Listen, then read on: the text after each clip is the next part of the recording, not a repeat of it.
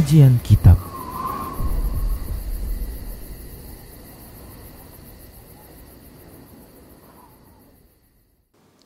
Bismillah.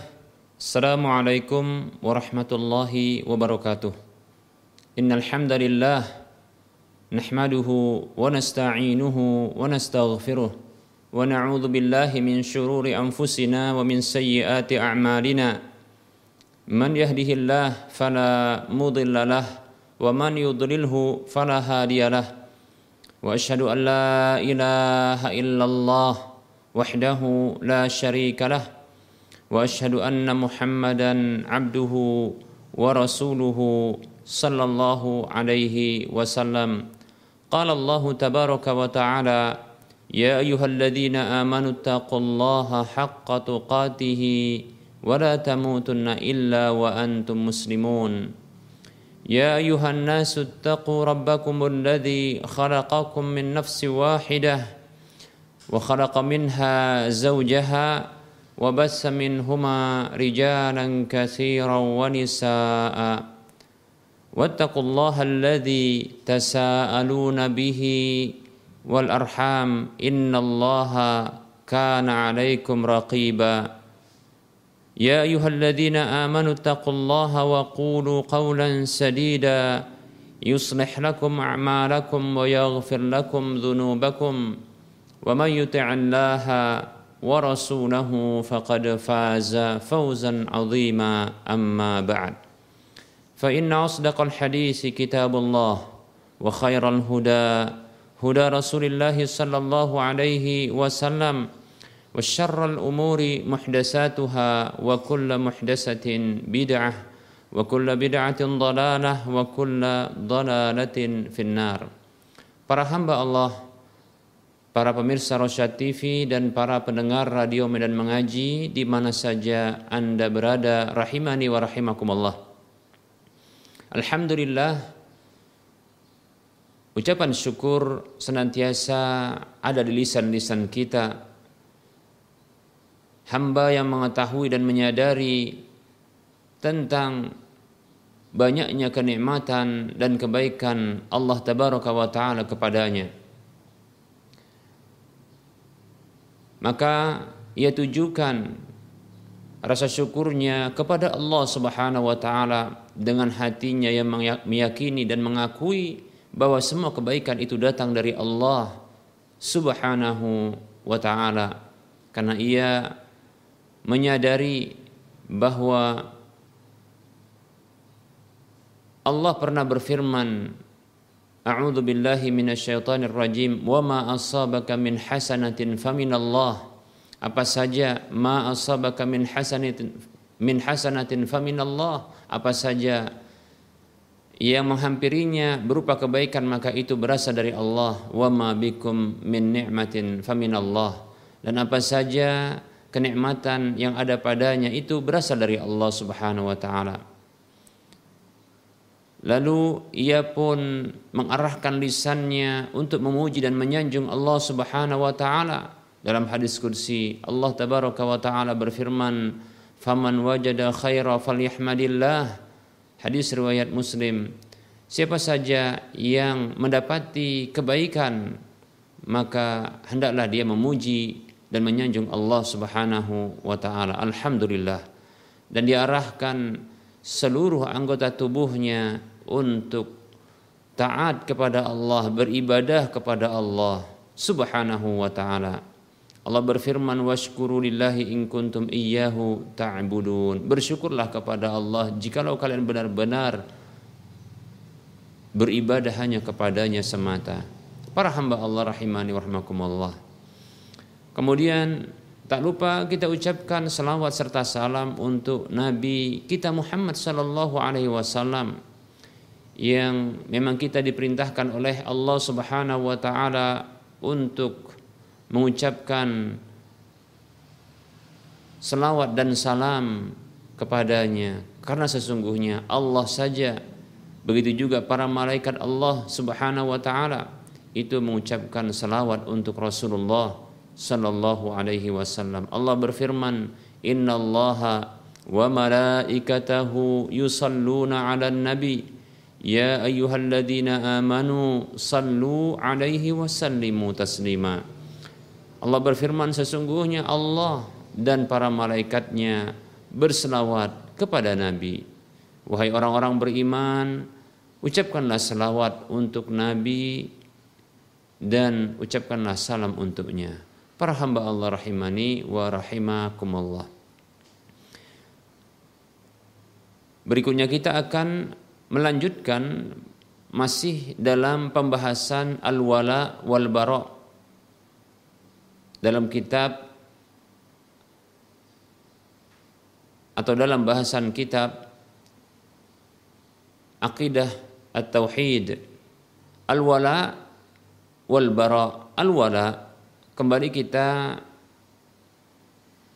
mengingatkan makna dari al-wala al-wala yang secara bahasa maknanya adalah loyalitas kecintaan. Maksudnya adalah kecintaan kepada orang-orang yang memiliki keimanan dan ketaatan kepada Allah Subhanahu wa taala, berkasih sayang dengan mereka, saling tolong-menolong terhadap mereka sekaligus bersikap tulus dengan memberikan nasihat kepada mereka itu disebabkan karena adanya keimanan serta ketaatan pada diri mereka kepada Allah Subhanahu wa taala. Inilah makna dari al-wala. Adapun al-bara secara bahasa Indonesia terjemahannya adalah berlepas diri yang mengandung makna kebencian. Maksudnya adalah kebencian kepada orang-orang yang memiliki permusuhan dengan Allah Subhanahu wa taala, yang memiliki kekufuran terhadap Allah Subhanahu wa taala, yang memiliki kesyirikan kepada Allah Subhanahu wa taala. Menjauhi mereka berlepas diri dari segala bentuk kebiasaan yang khusus bagi mereka baik itu dalam urusan dunia maupun dalam urusan agama. Baik para hamba Allah rahimani wa rahimakumullah. Inilah makna dari al-bara, al-bara. Baik para hamba Allah rahimani wa rahimakumullah. Setelah kita menyebutkan tentang bentuk-bentuk al-wala yaitu loyalitas yang diharamkan dan itu terbagi menjadi dua. Ada loyalitas yang diharamkan yang mengandung atau menghantarkan pelakunya kepada kekufuran. Ada pula yang tidak menghantarkan pelakunya kepada kekufuran. Berikut ini kita akan sebutkan dan sudah kita sebutkan di waktu pembahasan sebelumnya tentang sikap-sikap yang boleh bahkan wajib bagi seorang muslim untuk berinteraksi dengan orang-orang kafir. Sikap yang mesti diarahkan oleh seorang muslim kepada orang-orang kafir.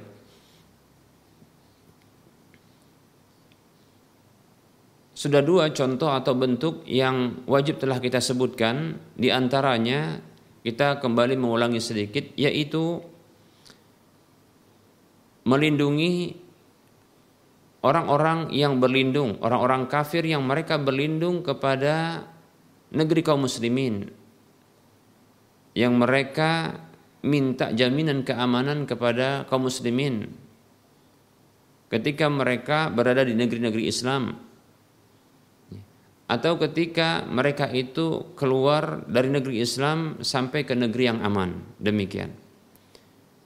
Nah melindungi orang-orang kafir yang mereka meminta perlindungan atau sudah menginduk bergabung dengan negeri kaum muslimin dengan membayar upeti atau jizyah yang mereka ini disebut dengan ahlu zimmah. Begitu juga orang-orang kafir yang mereka meminta jaminan keamanan ketika masuk ke dalam negeri kaum muslimin maka wajib bagi setiap muslim untuk memberikan perlindungan tersebut jangan sampai mereka terluka, jangan sampai mereka terdolimi pada harta mereka, kehormatan mereka, begitu juga fisik mereka. Karena ini merupakan bentuk pengkhianatan sekaligus sebagai bentuk ya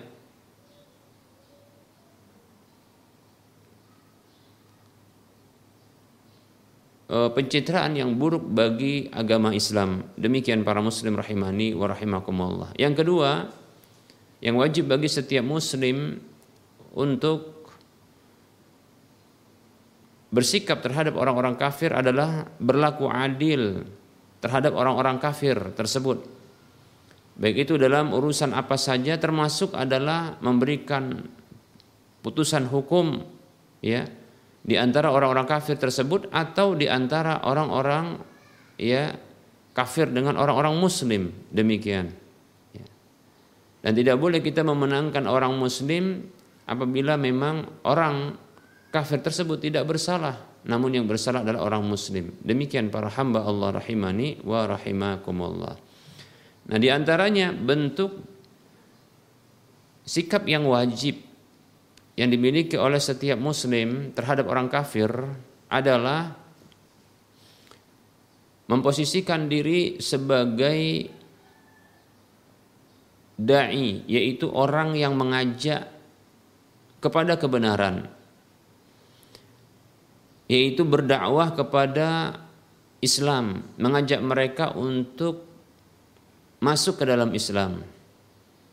Nah dakwah mengajak orang kafir kepada Islam hukumnya adalah fardu kifayah yaitu sebuah kewajiban yang di berikan oleh Allah Subhanahu wa taala di pundak-pundak kaum muslimin hanya saja apabila dilaksanakan oleh sebahagian dari kaum muslimin maka gugur dari yang lainnya. Demikian. Nah ini merupakan kewajiban dengan fardu kifayah. Baik para muslim rahimani wa rahimakumullah. Nah setiap muslim insya Allah taala dia bisa berdakwah kepada orang kafir. Atau kepada siapa saja. Bisa dengan anggota tubuhnya, bisa dengan lisannya, bisa dengan akhlak mulianya. Demikian. Ya. Ketika tidak memiliki kemampuan untuk memberikan pencerahan atau dakwah kepada orang kafir dengan lisan karena tidak memiliki keahlian dalam hal tersebut maka hendaknya setiap muslim memiliki akhlak-akhlak mulia interaksi yang baik yang diajarkan oleh Allah Subhanahu wa taala dalam Al-Qur'an maupun lisan Rasulullah sallallahu alaihi wasallam dalam hadis beliau. Lewat Rasulullah sallallahu alaihi wasallam. Ya. Berakhlak bersikap yang baik kepada orang-orang kafir. Maka insya Allah taala ini akan memberikan pencerahan kepada orang-orang kafir tersebut. Setidaknya ini akan memberikan kesan begitu indahnya Islam begitu damainya Islam dan begitu nyamannya Islam. Tidak seperti yang digambarkan. Ya. Oleh musuh-musuh Islam bahwasanya Islam itu adalah agama yang haus darah, agama yang rakus dengan kekuasaan, agama yang menghunuskan pedang senjata kepada orang-orang di luar mereka, tidak demikian. Ya. Maka kaum muslimin mereka bisa berdakwah kepada orang-orang kafir bahkan sesama mereka yaitu orang-orang muslim sendiri yang tidak mengenal Islam dengan benar itu dengan akhlak-akhlak mulia mereka ya. Dengan akhlak mulia. Ya.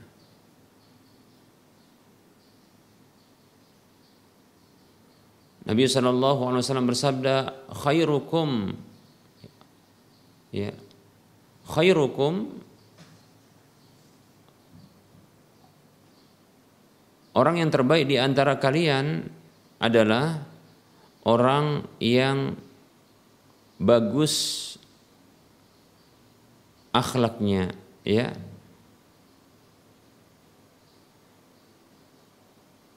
Yang bagus akhlaknya.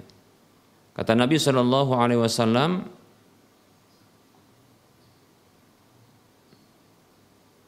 dalam satu hadis yang masyhur terkait dengan akhlak yang mulia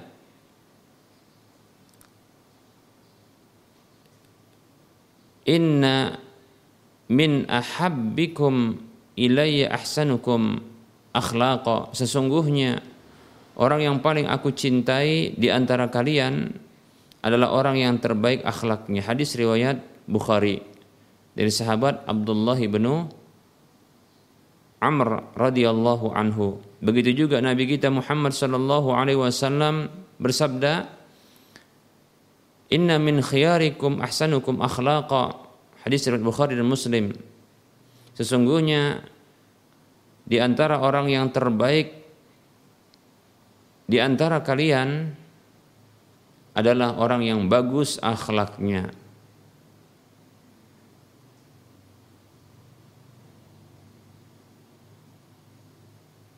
Nah, ini motivasi bagi kita para hamba Allah rahimani wa rahimakumullah, ya. Bahkan terdapat ya bagusnya akhlak ini motivasi yang lain ya motivasi yang lain untuk bagusnya akhlak ini yaitu panjangnya usia. Kata Nabi kita Muhammad sallallahu alaihi wasallam khiyarukum atwalukum a'mara wa ahsanukum akhlaqa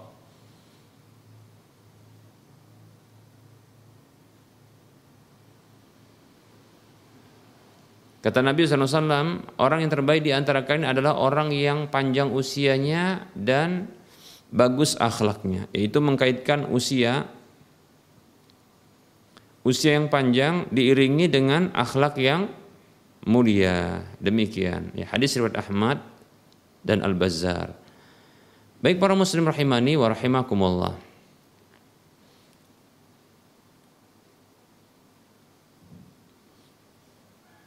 Allah Subhanahu wa taala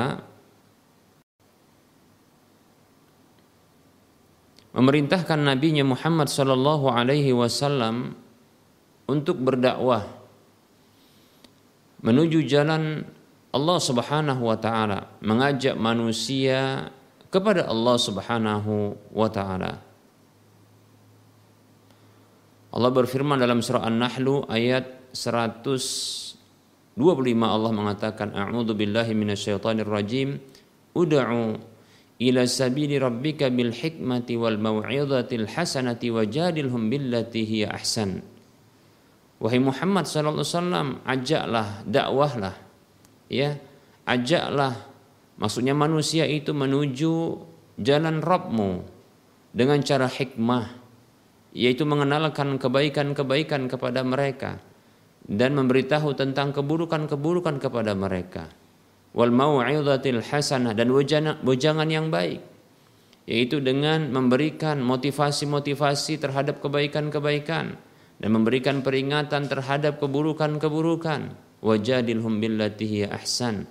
Dan berdiskusilah ya berdiskusilah ya dengan cara yang baik terhadap mereka yaitu mereka yang menentang.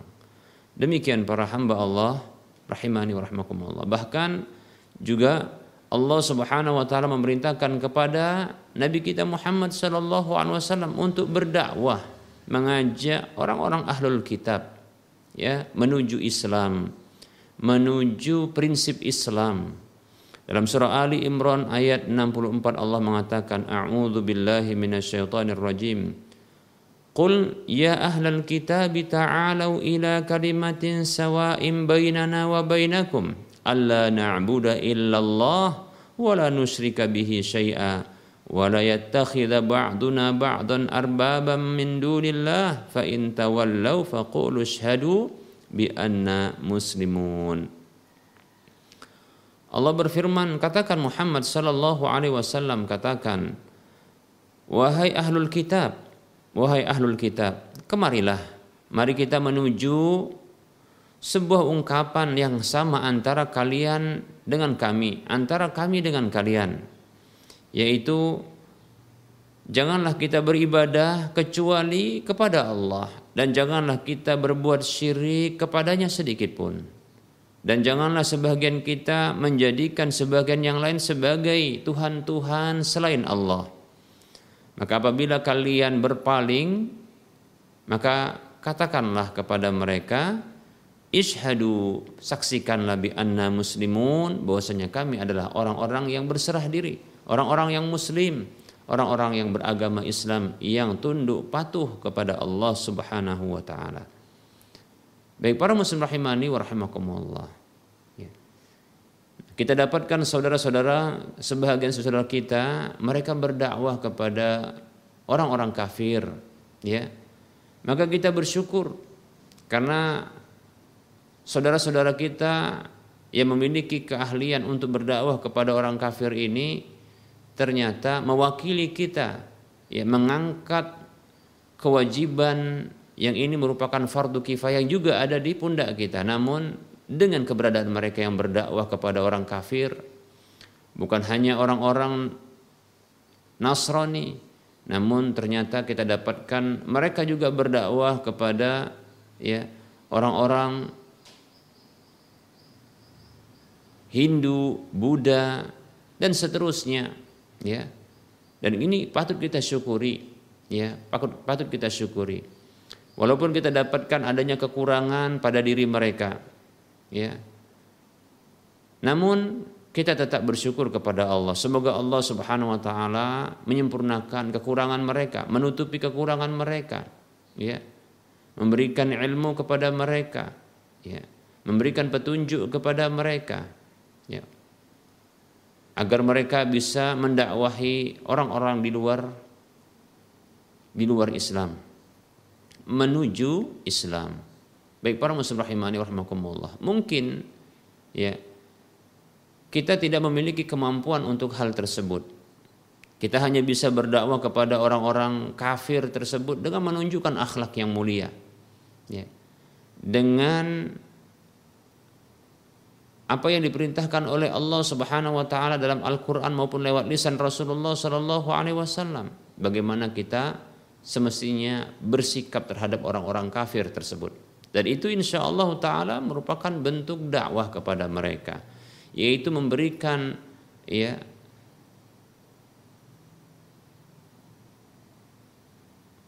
kesan baik tentang Islam bahwasanya Islam bukanlah agama yang haus darah. Islam itu bukanlah agama yang begitu rakus dengan kekuasaan. Ya. Islam itu bukanlah agama yang senantiasa menghunuskan pedang, yang menghunuskan senjata kepada musuh-musuh Islam atau orang-orang yang berada di luar Islam. Demikian, tidak demikian. Ya. Seperti itu para muslim rahimani wa Kita tunjukkan ya kita tunjukkan akhlak mulia ini merupakan dakwah kepada mereka dan kepada siapa pun. Demikian para hamba Allah rahimani warahmatullah. Itu akan memberikan kesan Islam itu damai. Ya. Itu akan memberikan kesan bahwasanya Islam itu begitu mulia. Ya. Yang begitu beradab dan berakhlak. Islam itu begitu indah Demikian para muslim rahimani warahmatullah. Selayaknya kita kaum muslimin satu dengan yang lainnya saling bersinergi, ya, saling memenuhi, ya, saling menutupi, ya, saling menyempurnakan. Ya, ketika ada sebagian kaum muslimin yang mereka barangkali berkhidmat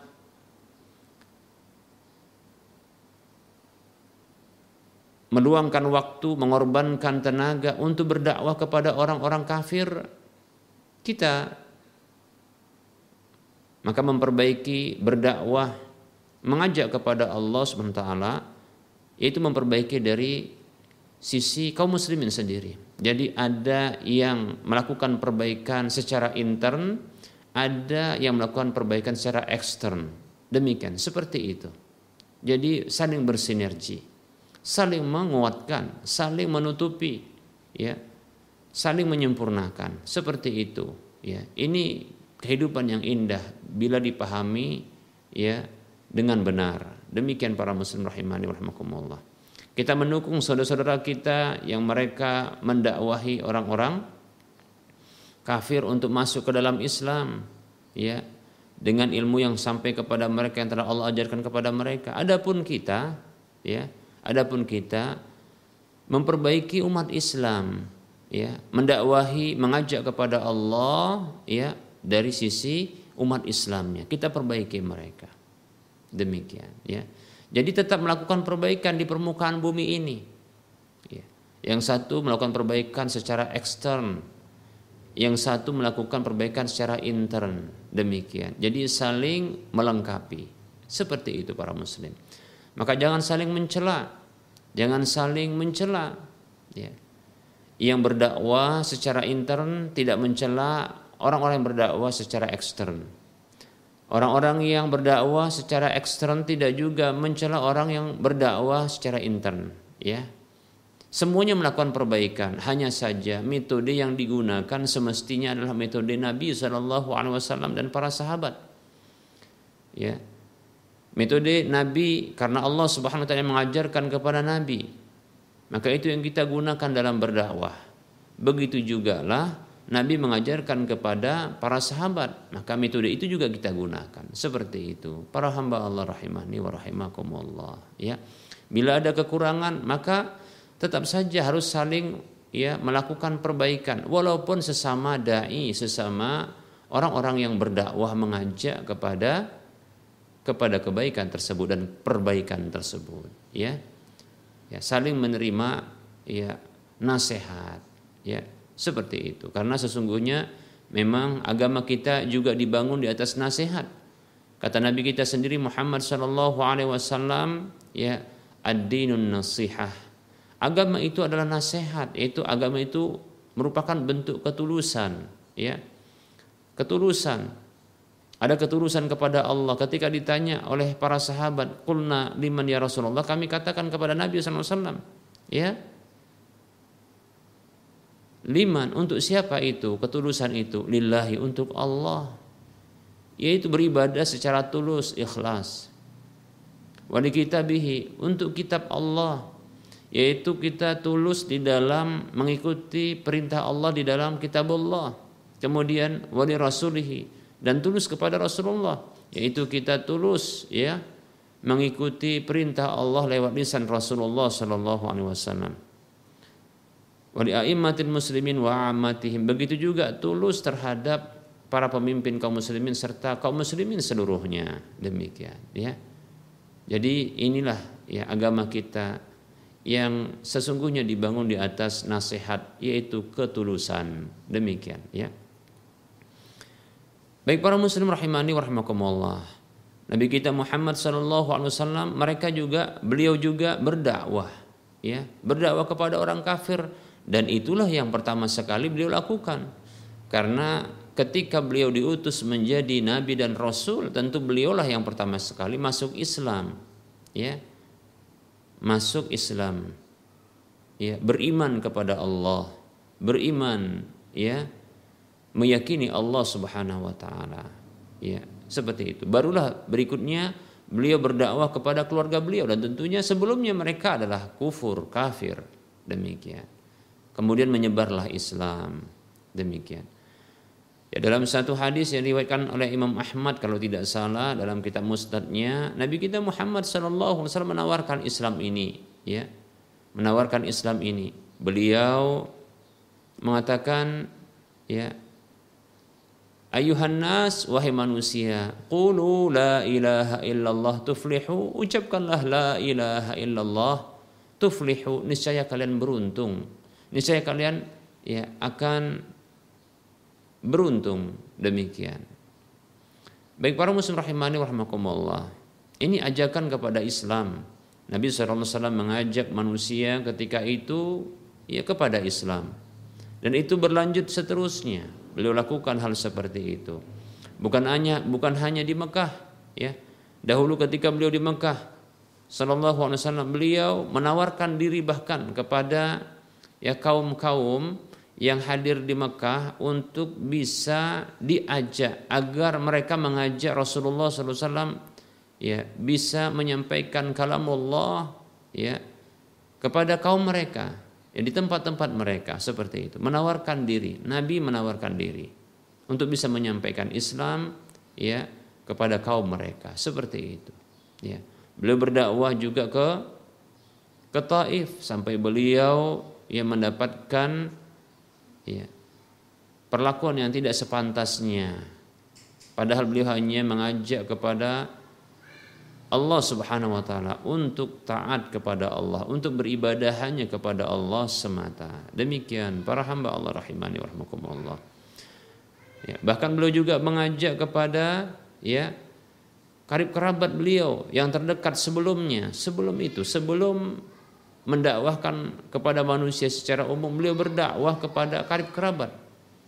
Kata Allah Subhanahu wa taala wa andir ashiratakal akrabin akrabin ya. Wa andir ashiratakal akrabin. Berilah peringatan kepada karib kerabatmu yang terdekat. Demikian. Maka Allah uh, maka Rasulullah SAW yang mempraktekkan perintah Allah ini dengan berdakwah kepada keluarga-keluarga beliau ya Beliau berdakwah kepada ya Bani Abdi Manaf, Quraisy, ya. Beliau berdakwah bahkan kepada pribadi-pribadi seperti istri beliau, ya, anak-anak beliau, paman beliau, ya. Begitu juga bibi-bibi beliau. Bibi beliau Sofia, ya, Abu Lahab, Abu Jahal, Abu Talib, Hamzah, bahkan anak beliau putri beliau yaitu Fatimah demikian ya beliau berdakwah mengajak mereka kepada Islam. Bahkan ya secara khusus tatkala paman beliau Abu Talib yang masih kafir itu ya dalam kondisi sakit parah dan mendekati ajalnya Nabi Muhammad Wasallam datang kepada beliau menawarkan Islam menawarkan Islam Kata beliau sallallahu alaihi wasallam, "Qul ya ammi kalimatan Qul ya ammi la ilaha illallah kalimatan uhajju laka biha indallah." Wahai pamanda, ucapkanlah la ilaha illallah sebuah ungkapan kalimat yang dengannya aku bisa membelamu kelak di sisi Allah. Begitu kata Rasulullah wasallam kepada pamanda beliau. Namun ada teman dekat dari pamanda beliau Abu Talib ini yang kafir, dua orang yang senantiasa menyatakan ungkapan-ungkapan yang membatalkan dan membuat ragu Abu Talib untuk masuk Islam. Ya. Disebutkan atarqabu an millati Abi Abdul Muthalib, apakah engkau benci dengan agamanya? Ya, yaitu orang tuamu yaitu Abdul Abdul Muthalib demikian seperti itu. Baik ya. Akhirnya paman beliau tidak kunjung masuk Islam sampai wafat demikian. Ya. Dan ini memang takdir Allah Subhanahu wa taala. Ini menunjukkan bahwasanya hidayah itu bukanlah di tangan Rasulullah tapi hidayah untuk membuka hati manusia untuk menerima kebenaran itu ada di tangan Allah. Adapun hidayah berupa penjelasan dan pencerahan ya dengan lisan maka ini mampu bagi kita untuk bisa kita sampaikan. Seperti itu. Dan Rasulullah tentu adalah teladan dalam hal ini. Oleh karenanya kita berdakwah minta kepada Allah untuk ya kemudahan di dalam berdakwah. Begitu juga hidayah agar bisa sampai kepada manusia. Demikian para muslim rahimani wa rahimakumullah. Dakwah mengajak orang-orang kafir itu tidak terhenti ya. Ketika pun setelah beliau berhijrah ke Madinah, beliau pun terus berdakwah. Beliau berdakwah kepada orang-orang Yahudi berdakwah orang-orang kepada orang-orang musyrik seterusnya. Bahkan beliau berdakwah juga ya di antaranya secara individu beliau berdakwah ya kepada seorang pemuda. Ini contoh ya contoh di mana Nabi SAW berdakwah kepada pribadi ya sebagaimana beliau juga berdakwah secara umum ya kepada manusia pada umumnya. Demikian. Beliau pernah mengunjungi Sallallahu Alaihi pernah mengunjungi seorang pemuda Yahudi dalam kondisi sakitnya yang ternyata sakitnya ini menghantarkannya kepada wafatnya, kematiannya. Ya. Dan Nabi Sallallahu Alaihi Wasallam menawarkan Islam kepadanya. Nabi Sallallahu Alaihi Wasallam menawarkan Islam kepadanya. Ya. Namun ternyata Allah takdirkan ya pemuda tersebut masuk Islam setelah dia minta izin kepada ayahandanya ya agar bisa masuk Islam. Ya, maka ayahnya mengatakan ati Abul Qasim, taati Abul Qasim yaitu Nabi SAW. Maka ia pun masuk Islam dan wafat di atas Islam. Nabi SAW keluar dari rumah tersebut dalam kondisi gembira, berseri wajah beliau. Demikian. Ini sebagaimana yang diriwayatkan oleh Imam Bukhari dalam kitab sahihnya. Baik para muslim rahimani wa Nah, ini dakwah kepada orang-orang kafir Baik para hamba Allah rahimani warahmatullah. Nah, semestinya kaum muslimin mereka mengambil peluang ini pula. Walaupun tak bisa dengan lisan, ya. Coba lihat kita lihat Nabi SAW juga berdakwah, namun tidak dengan lisan, ya, yang begitu banyak. Hanya saja beliau datang dengan menunjukkan ya perhatian yang besar, akhlak yang mulia, di mana dalam kondisi sakit biasanya seseorang itu butuh dukungan, butuh perhatian. Maka beliau datang menjenguk orang yang sakit, walaupun orang kafir.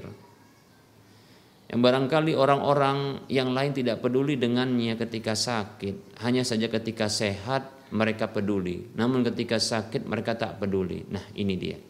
Ya. Nabi Shallallahu alaihi wasallam mengambil peluang ini. Ya, mengambil peluang ini. Inilah akhlak mulia. Demikian. Lalu di sela-sela sakitnya tersebut, ya Nabi SAW pun mendakwahkan kepada pemuda yang sakit tersebut untuk bisa masuk Islam. Ya.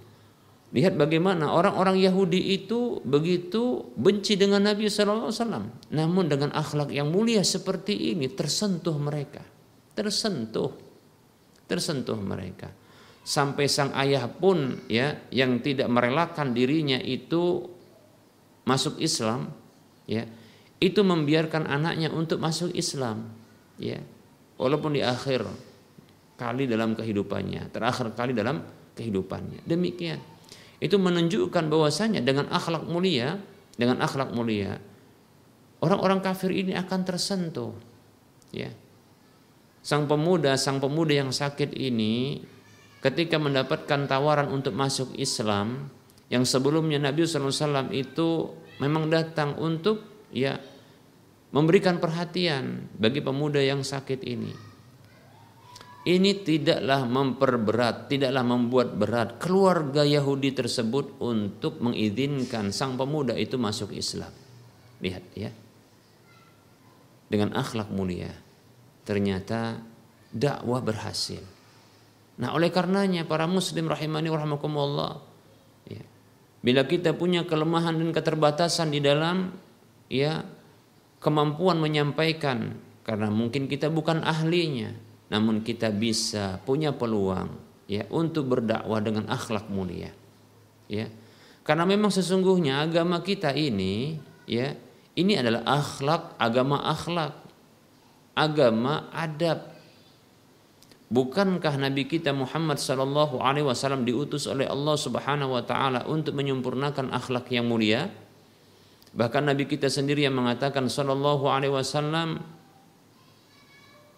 beliau mengatakan innama bu'istu liutammima salihal akhlak dalam ungkapan yang masyur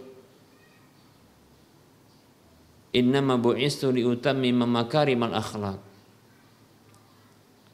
Ungkapan yang pertama, hadis yang pertama tadi itu dilakukan oleh Imam Ahmad dalam musnadnya. Kata Nabi SAW, sesungguhnya aku ini hanyalah diutus oleh Allah Subhanahu wa taala untuk menyempurnakan akhlak, untuk menyempurnakan akhlak. Akhlak apa? Akhlak yang saleh, akhlak yang baik, akhlak yang mulia. Seperti itu. Lihat. Jadi agama kita para hamba Allah rahimani wa adalah agama akhlak. Maka pelajari agama kita karena dia memuat apa? akhlak-akhlak yang mulia, akhlak-akhlak yang saleh. Saleh kepada Allah, saleh kepada sesama manusia dan soleh kepada sesama hamba bahkan soleh sesama ya makhluk yang Allah ciptakan di alam semesta ini baik para muslim rahimani wa rahimakumullah. Ya. Jadi dengan akhlak mulia insya Allah taala kita bisa berdakwah ya. Berdakwah kepada orang-orang kafir dan juga bisa berdakwah kepada orang-orang muslim. Demikian. Ya. Nah sekarang kita tinggal mempelajari Islam itu, ya, mempelajari Islam itu. Kita gunakan waktu ini untuk belajar para hamba Allah rahimani wa rahimakumullah. Ya, karena Islam ini adalah agama kebaikan yang mengandung banyak kebaikan. Islam ini mengan, uh, adalah agama akhlak yang mengandung banyak akhlak mulia, akhlak akhlak yang saleh demikian. Ya. Kita tinggal pelajari, insya Allah taala. Ini agama yang sempurna, agama yang sudah lengkap demikian. Ya, jangan beralih kepada agama yang lain. Kata Allah Subhanahu wa taala dalam surah Al-Maidah ayat 3, Billahi minasyaitonir rajim. Al-yauma akmaltu lakum dinakum wa atmamtu 'alaikum ni'mati wa raditu lakumul Islam madina. Pada hari ini aku telah sempurnakan agama kalian untuk kalian dan aku cukupkan nikmatku atas kalian dan aku ridhoi Islam sebagai agama bagi kalian. Lihat, Islam adalah agama kesempurnaan, sempurna seluruhnya, ajaran-ajarannya. Islam itu adalah agama kenikmatan dan kecukupan. Maka jangan beralih kepada yang lainnya. Islam adalah agama keridoan. Bagi siapa saja yang ingin diridhoi oleh Allah, maka peluklah Islam. Dan wafatlah di atas Islam, pelajari Islam Menuntut ilmu itu wajib kata Nabi Muhammad SAW. Talabul ilmi faridatun ala kulli muslim. Hadis riwayat Ibnu Majah. Menuntut ilmu, ilmu apa? Ilmu Islam. Ilmu Islam, ilmu agama Islam. Maka itu adalah wajib bagi setiap muslim, yaitu muslim laki-laki maupun muslim perempuan. Demikian para hamba Allah rahimani wa rahimakumullah. Nah ini barangkali materi yang bisa kita sampaikan pada pertemuan kali ini. Insya Allah Ta'ala kita akan lanjutkan pada pertemuan dan mendatang. Insya Allah Ta'ala. Kita akan beralih kepada sesi soal jawab. Ada pertanyaan yang telah masuk?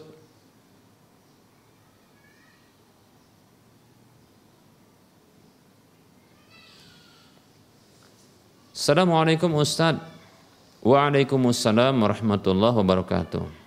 Saya hamba Allah di Sumatera Barat Sumber. Apakah sama hukum pembangkangan meninggalkan sholat dengan pembangkangan melakukan dosa besar dengan sengaja seperti disebut di sini berselingkuh dalam waktu yang lama belasan tahun. Meskipun dia masih melakukan sholat, bahkan dia adalah seorang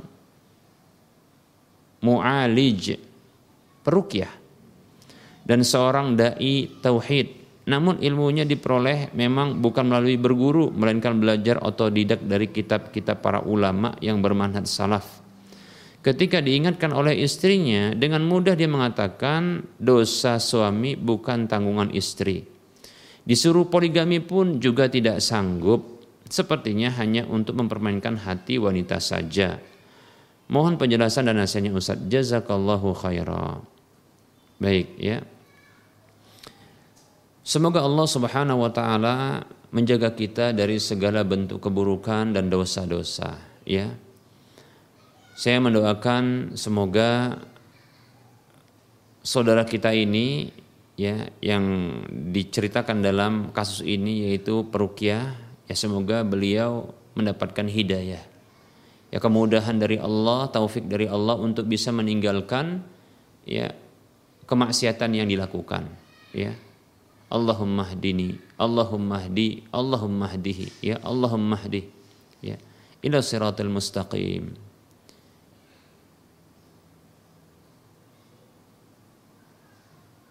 Baik para hamba Allah rahimani wa rahimakumullah. Ya.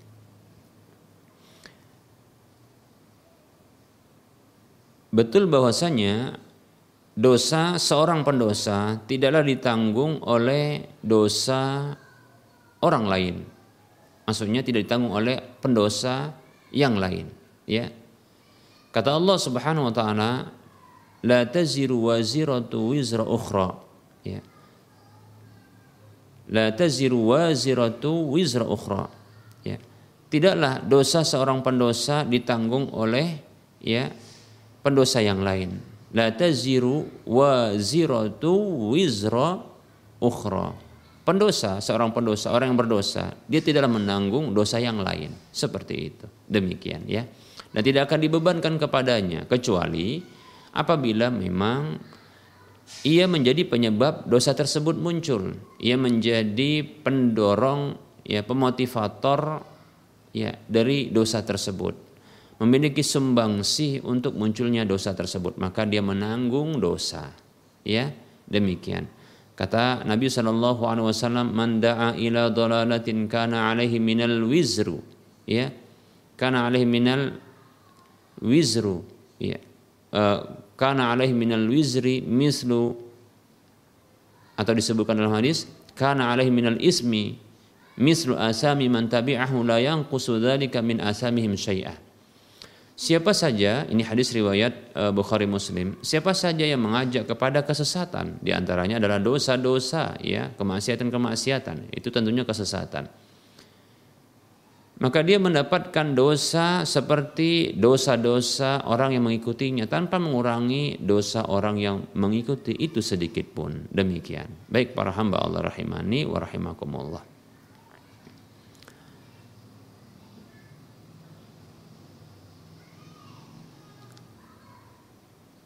Apa yang mesti dilakukan oleh seorang istri tersebut ketika melihat suaminya jatuh ke dalam dosa seperti ini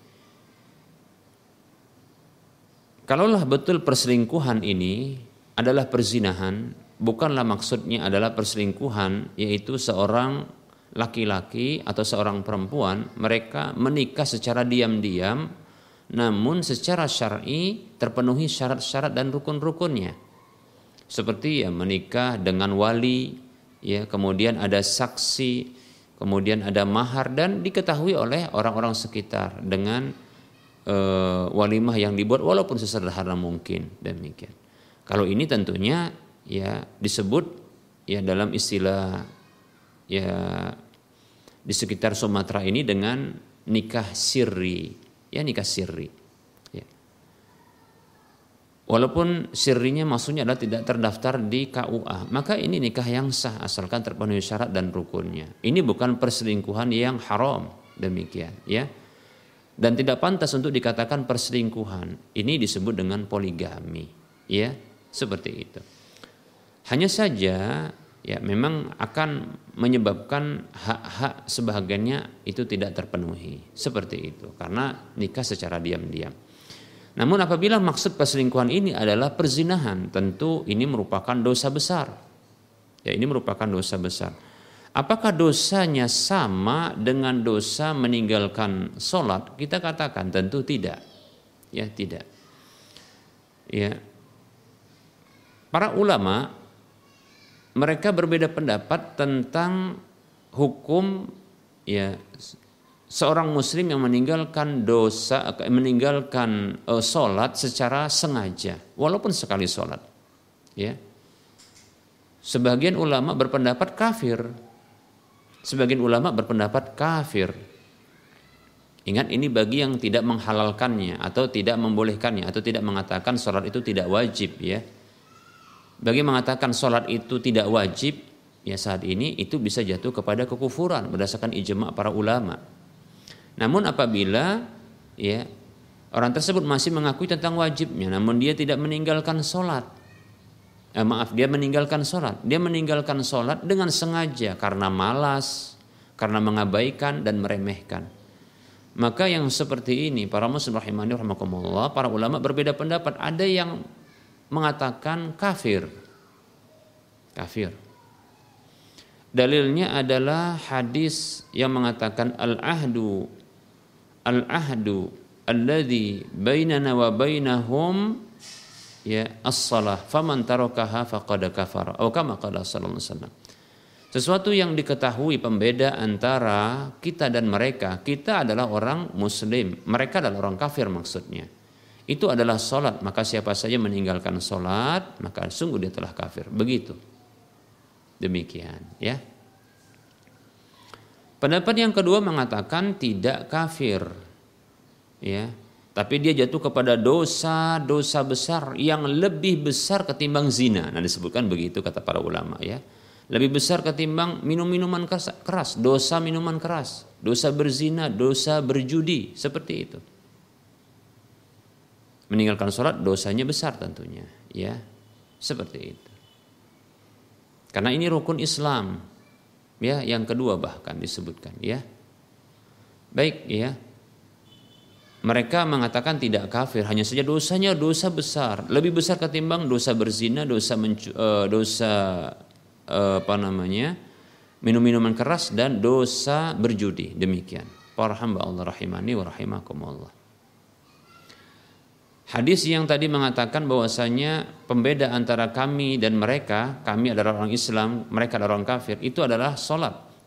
Siapa yang meninggalkan solat maka dia kafir. Ya, Baik di sini kafirnya menurut ulama yang tidak menyatakan kafirnya orang meninggalkan sholat itu maksudnya kafir ya dengan kufrun duna kufrin kekafiran yang bawa yang dibawa derajat kekufuran. Artinya adalah kufur asgar namanya kufur kecil. Demikian seperti itu ya. Dan ada hadis-hadis yang lain yang menunjukkan yang menguatkan pendapat yang kedua ini. Baik untuk eh, dosa meninggalkan sholat itu sangat besar. Dan disebutkan oleh para ulama tadi lebih besar ketimbang dosa dosa me berzina melakukan zina. Demikian ya.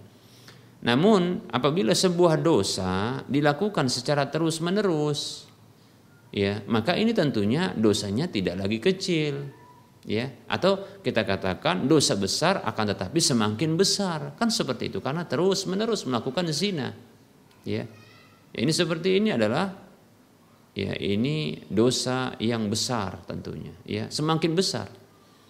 Ya. Ya coba bayangkan kalau sekali berzina kita katakan dosanya semisal dengan gunung kita misalkan semisal gunung. Ya kalau dia berkali-kali dosa melakukan zina itu tentunya berapa gunung yang dia kumpulkan?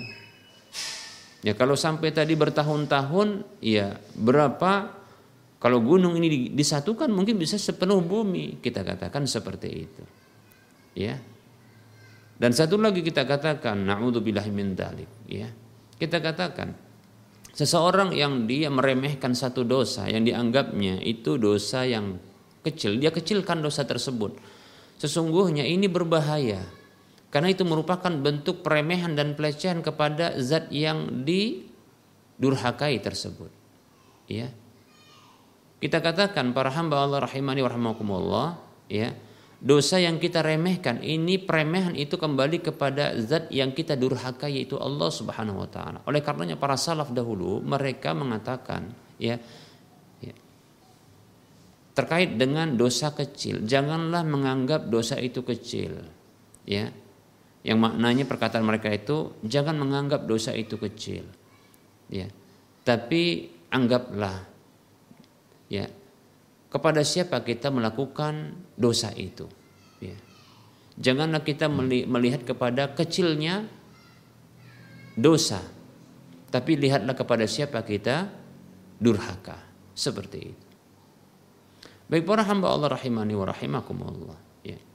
Nah tentunya kita durhaka kepada Allah. Semoga Allah mengampuni dosa-dosa kita.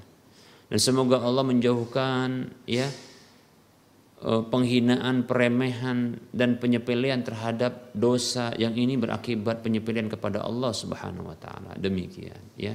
Nah, oleh karenanya apa yang mesti dilakukan oleh seorang istri yang mengetahui suaminya demikian? Yang pertama, minta kepada Allah. Berdoa kepada Allah.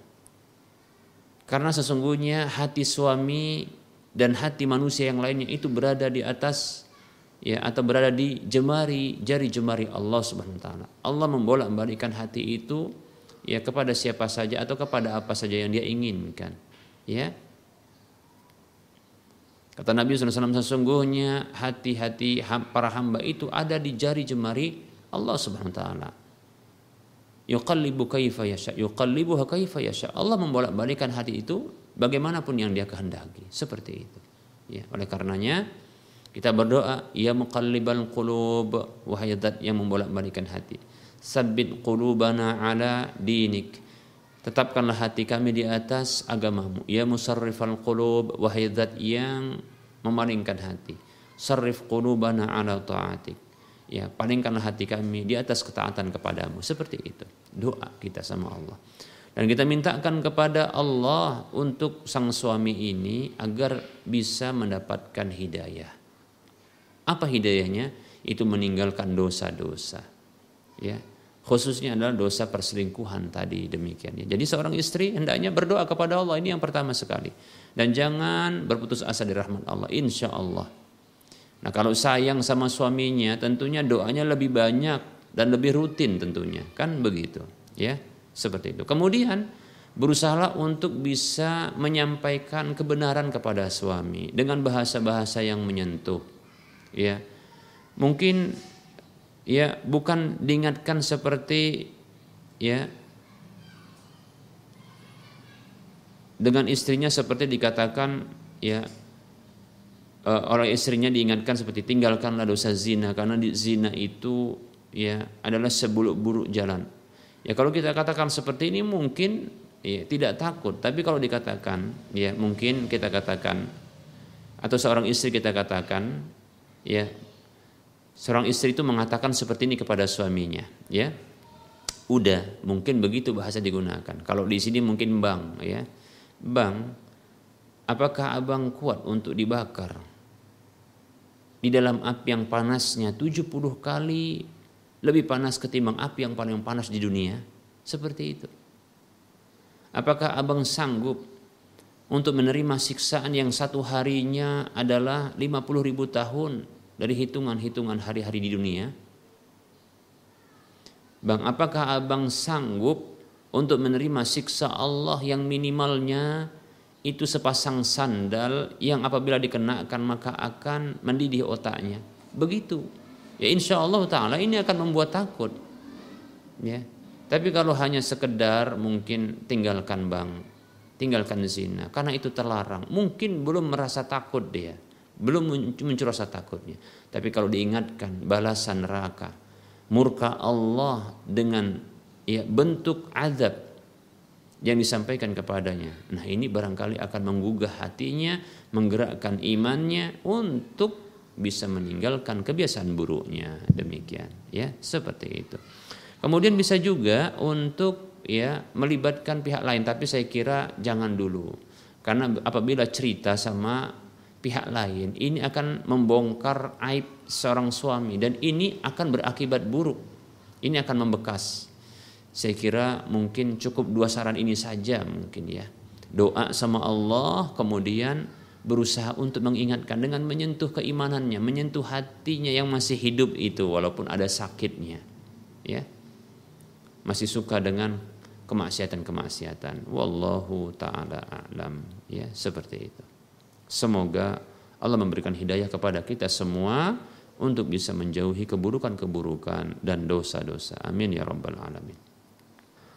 Ada pertanyaan Assalamualaikum warahmatullahi wabarakatuh Izin bertanya Ustaz apakah ada doa khusus sebelum menggali kubur Waalaikumsalam warahmatullahi wabarakatuh Saya pribadi tidak tahu ya tidak tahu Apakah ada doa secara khusus ketika menggali kubur? Ya. Saya tidak tahu. Tapi secara umum ketika hendak melakukan kebaikan-kebaikan, maka hendaklah memulai dengan bismillah seperti itu. Demikian, ya. Bismillah. Yang saya tahu adalah ya ketika masuk kubur ada doa berupa salam, ya Assalamualaikum ya ahlad diyari mu'minin wa inna insyaallah bikum lalahikun seperti itu atau doa yang semisal yang diajarkan oleh Nabi sallallahu alaihi wasallam. Begitu juga ketika meletakkan jenazah ke liang kubur. Nah itu yang saya tahu doanya adalah Bismillahi wa ala millati Rasulillah atau Bismillahi wa ala sunnati Rasulillah itu yang saya tahu. Tapi kalau untuk menggali kubur, wallahu taala alam, ya saya tidak tahu secara khusus doanya. Yang saya tahu ketika ya memulai sebuah kebaikan maka membaca Bismillah. Wallahu taala alam. Di sini ada pertanyaan, Assalamualaikum Ustadz saya kerja PNS di pemerintahan sebagai supir truk antar barang dan lain-lain. Terkadang apabila saya antar barang, saya diberi uang atau makanan dari si penerima barang. Halalkah saya terima itu Ustadz? Waalaikumsalam warahmatullahi wabarakatuh. Seseorang yang telah mendapatkan gaji atas sebuah pekerjaan. Dan pekerjaan itu telah jelas ya rinciannya, SOP-nya, standar operasional prosedurnya sudah selesai, uh, sudah sudah sudah apa namanya sudah jelas. Dan ternyata memang yang dikerjakan ini seperti antar barang ini merupakan termasuk tugas yang sudah mendapatkan gaji, ya. Ini di antara contoh atau pekerjaan-pekerjaan yang lain yang memang sudah dapat gaji atas pekerjaan itu. Maka tidak boleh untuk menerima hadiah tambahan dari pihak yang dilayani, yang diberikan pelayanan dan servis atas pekerjaan itu. Tidak boleh. Apabila diterima maka itu disebut dengan harta gulul, harta khianat. Demikian. Tidak boleh untuk diterima. Kata Nabi SAW, hadayal, hadayal ummal ghululun. Hadis riwayat Ahmad. Hadiah-hadiah kepada para pekerja itu adalah harta khianat. Ghulul, harta khianat.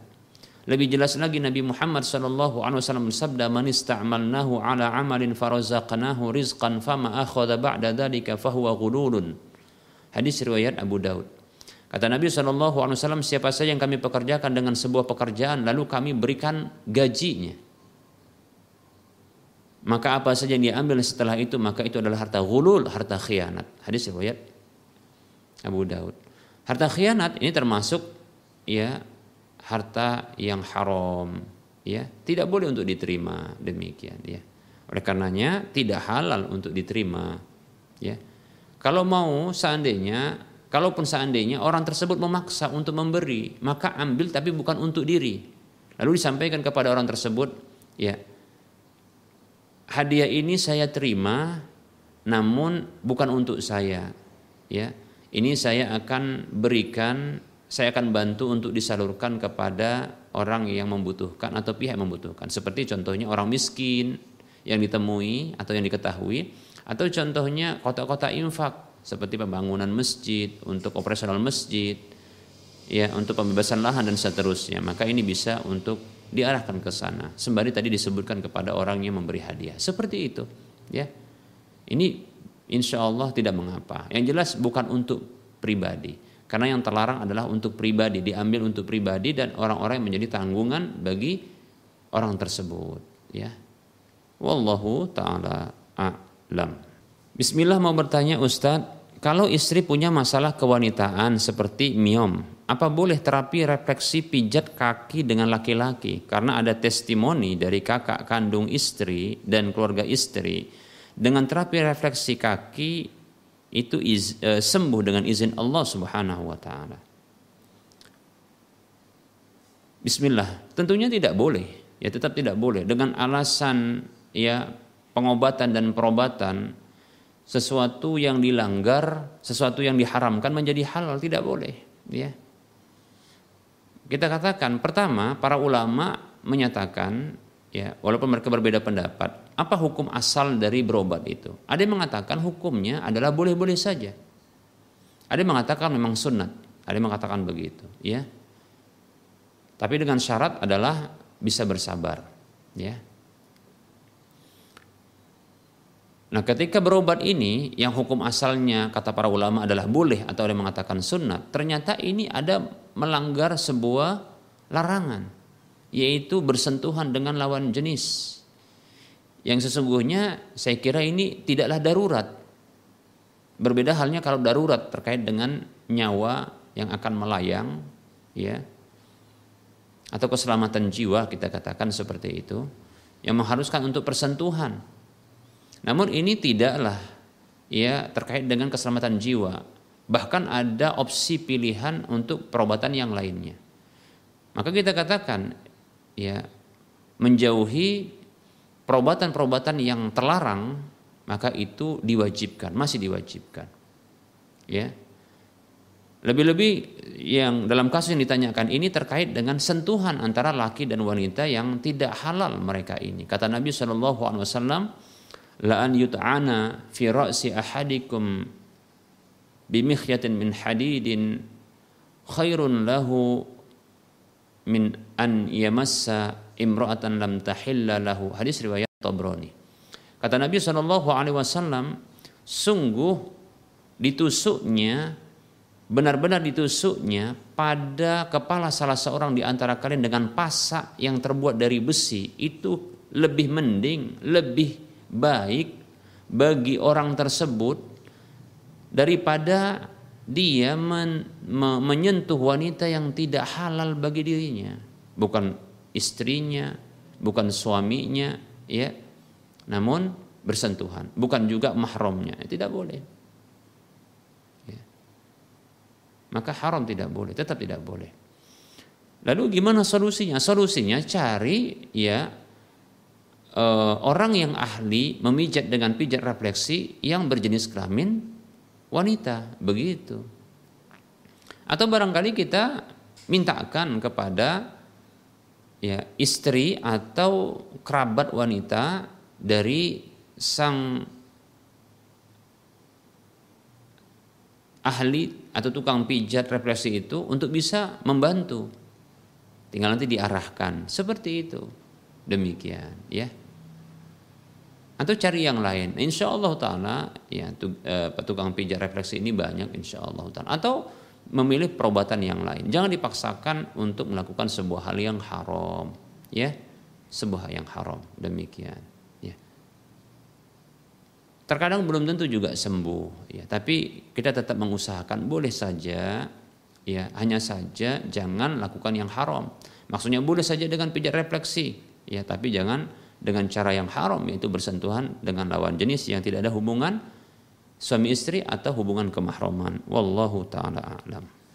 Bismillah, Assalamualaikum. Jadwal salat duha lebih baik dilaksanakan pukul berapa ya? Waalaikumsalam warahmatullahi wabarakatuh.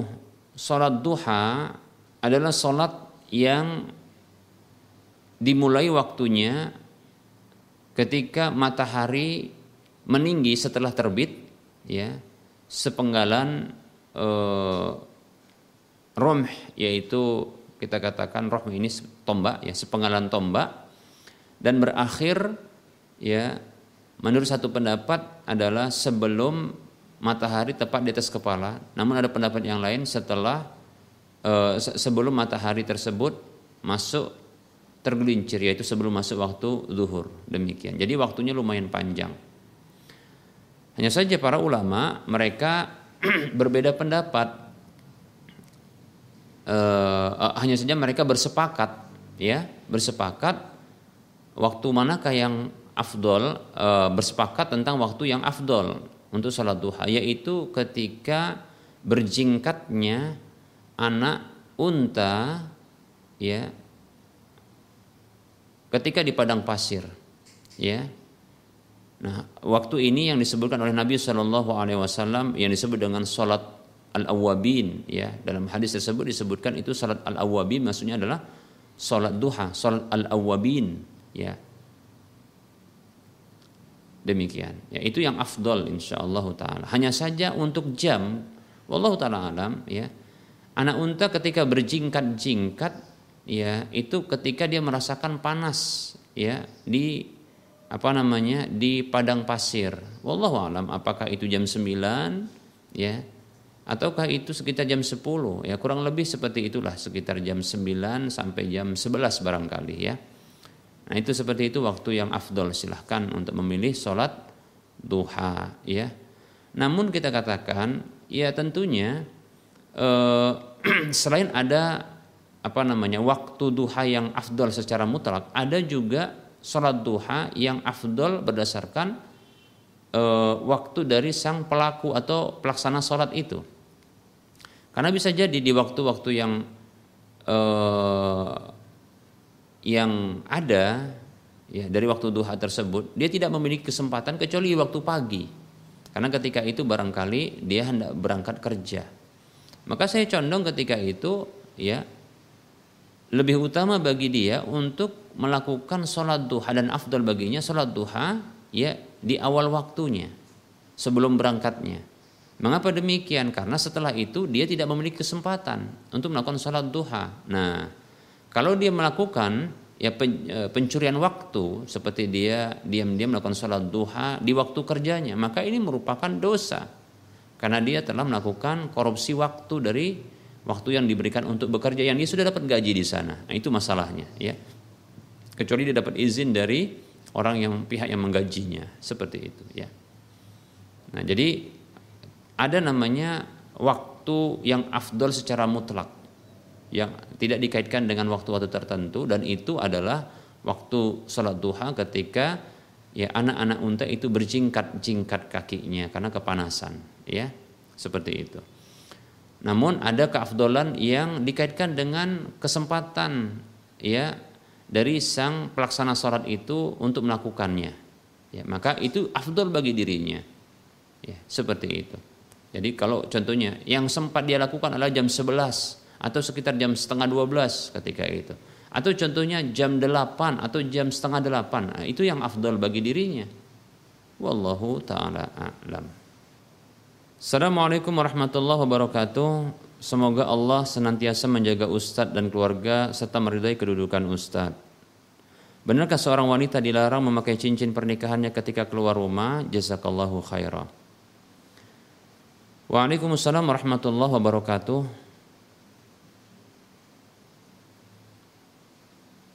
Semoga juga Allah Subhanahu wa taala memberikan ya penjagaan serta perlindungan bagi sang penanya serta meridhoi keluarganya keseluruhannya. Amin ya rabbal alamin.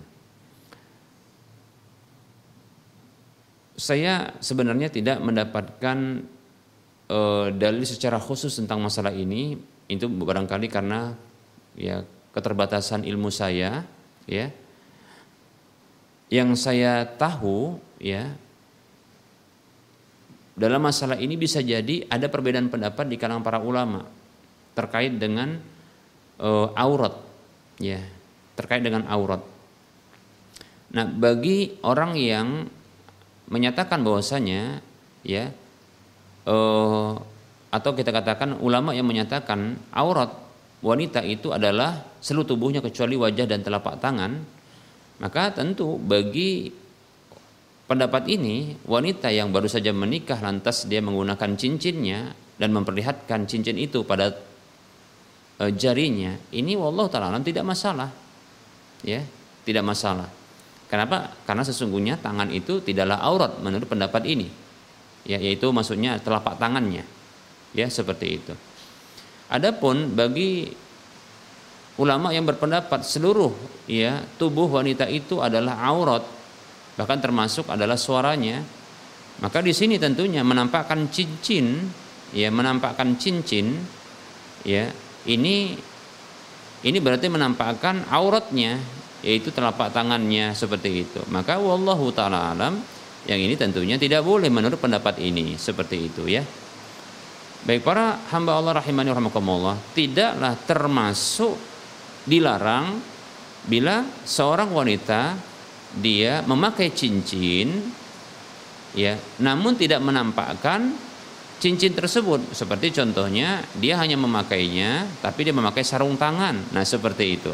Atau dia e, tidak memakai sarung tangan namun dia menyembunyikan di balik hijabnya. Maka yang seperti ini tentunya tidaklah terlarang. Wallahu taala a'lam wa anti fajazakillahu khairah ada pertanyaan Assalamualaikum.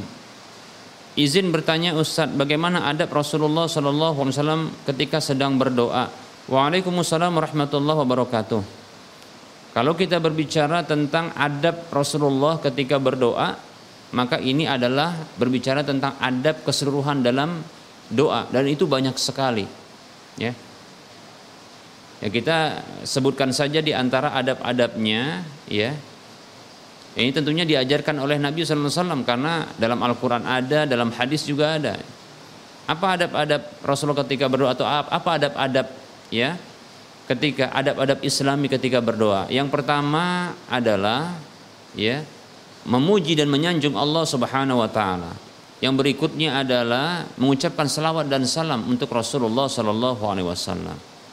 Kemudian berikutnya yang ketiga adalah ya dianjurkan untuk ya berwudu dalam kondisi suci ketika berdoa. Ini anjuran ya. Walaupun tidak wajib tapi anjuran itu termasuk adab ya karena dalam doa tersebut tentunya ada menyebutkan nama Allah.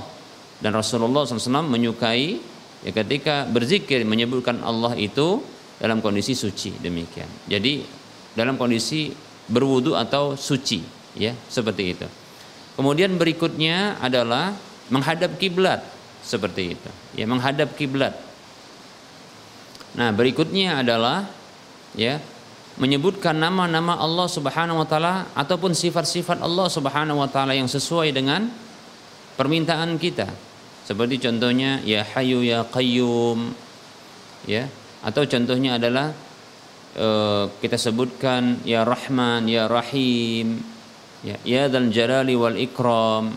Atau seperti contohnya Allahumma ini as'aluka bi anna lakal hamda la ilaha illa anta wahdaka la syarika laka al mannan badi'us samawati wal ardul jalali wal ikram ya ini disebut dengan apa uh, al ismul a'zam demikian. Nah ini insya Allah akan makbul doa. Ini berdasarkan firman Allah walillahil asmaul husna fad'uhu biha ya. Allah memiliki nama-nama yang maha indah maka berdoalah kepada Allah dengan nama-nama tersebut yaitu disebutkan nama-nama Allah Subhanahu taala ya jadi menyebutkan nama Allah terlebih dahulu ya di dalam uh, awal dari permintaannya lalu baru menyebutkan permohonannya. Seperti itu tentunya yang sesuai. Demikian ya. Kemudian ada berikutnya adalah memahami apa yang diminta. Ya jadi dengan memahami apa yang diminta. Jadi jangan memaksakan diri dengan berbahasa Arab tapi tidak paham. Maka seharusnya hendaknya ya memilih eh, doa-doa yang bisa dipahami. Ya kalau paham dengan bahasa Arab silakan itu lebih bagus. Kalau tidak paham maka dengan bahasa Indonesia. Demikian ya seperti itu. Ya. Kemudian ada berikutnya adalah ya berdoa dengan menyebutkan ya tentang kelemahan diri, kesalahan diri, ya. Kemudian meminta kepada Allah, ya, membu, eh, apa namanya? berdoa dengan menyatakan kebutuhan terhadap Allah Subhanahu wa taala. Ya. kebutuhan kepada Allah demikian ya. Dan betul-betul meminta. Ya, jangan meminta kepada Allah dengan ya seperti ya Allah ampuni aku kalau engkau mau. Ya, ya Allah berikan rezeki kepada aku kalau kau memang ingin. Jangan seperti itu tapi betul-betul butuh ya dengan apa yang diminta tersebut memohon seperti itu memelas dengan bahasa yang memelas kepada Allah Subhanahu wa taala dan itu tadi harus dipahami dan berikutnya adalah ya berdoa dengan meyakini bahwa akan dikabulkan oleh Allah Subhanahu wa taala. Dan berikutnya doa beri, apa namanya? adab berikutnya adalah menjauhi perkara-perkara yang diharamkan. Tidak berinteraksi dengan perkara-perkara yang diharamkan karena ini akan menjadi penghalang dosa, penghalang doa. Begitu juga dosa-dosa yang lain seperti memutuskan tali silaturahim, ya. Ya, seperti itu. Ini akan membuat terhalangnya doa demikian ya dan ditutup doa tersebut juga dengan selawat serta pujian kepada Allah Subhanahu wa taala. Ini di antara sekelumit dari adab-adab berdoa. Semoga bermanfaat. Baik para hamba Allah rahimani warahmatullah para pemirsa Rosyad TV dan para pendengar radio Medan Mengaji di mana saja di mana saja Anda berada rahimani warahmatullah ya barangkali ya ini yang bisa kita sampaikan pada pertemuan kali ini. Ya, kita akhiri pertemuan kita pada pertemuan kali ini. Tentunya banyak kekurangan, kesalahan, ya, kekeliruan dalam penyampaian ini. Ya, baik itu penyampaian materi maupun penyampaian jawaban terhadap pertanyaan, ya, untuk pertanyaan yang telah diajukan. Dan untuk pertanyaan-pertanyaan yang sudah masuk namun belum terjawab, insya Allah Taala akan dijawab pada waktu mendatang. Insya Allah Taala. Mohon maaf atas segala kekurangan dan kesalahan. Kebenaran itu datang dari Allah Subhanahu wa taala dan kekeliruan serta kesalahan itu datangnya dari saya pribadi dan bisikan syaitan kepada Allah saya mohon ampun dan kepada para pemirsa dan para pendengar sekalian saya mohon maaf dan sebelum kita akhiri eh, kembali kami memotivasi saya pribadi memotivasi saya sendiri ya diri saya sendiri demikian pula kaum muslimin saya motivasi. Mari kita berdonasi memberikan, menyalurkan sebagian dari harta yang telah Allah titipkan kepada kita untuk kita ya donasikan, kita arahkan, kita infakkan ya untuk membebaskan lahan yang nantinya akan dibangun Masjid Al Muwahhidin untuk wilayah Medan dan sekitarnya. Ya.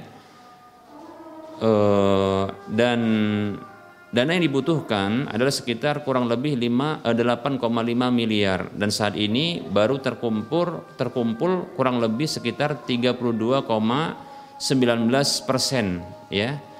Nah kekurangannya adalah sekitar 5 miliar 821 juta sekian rupiah.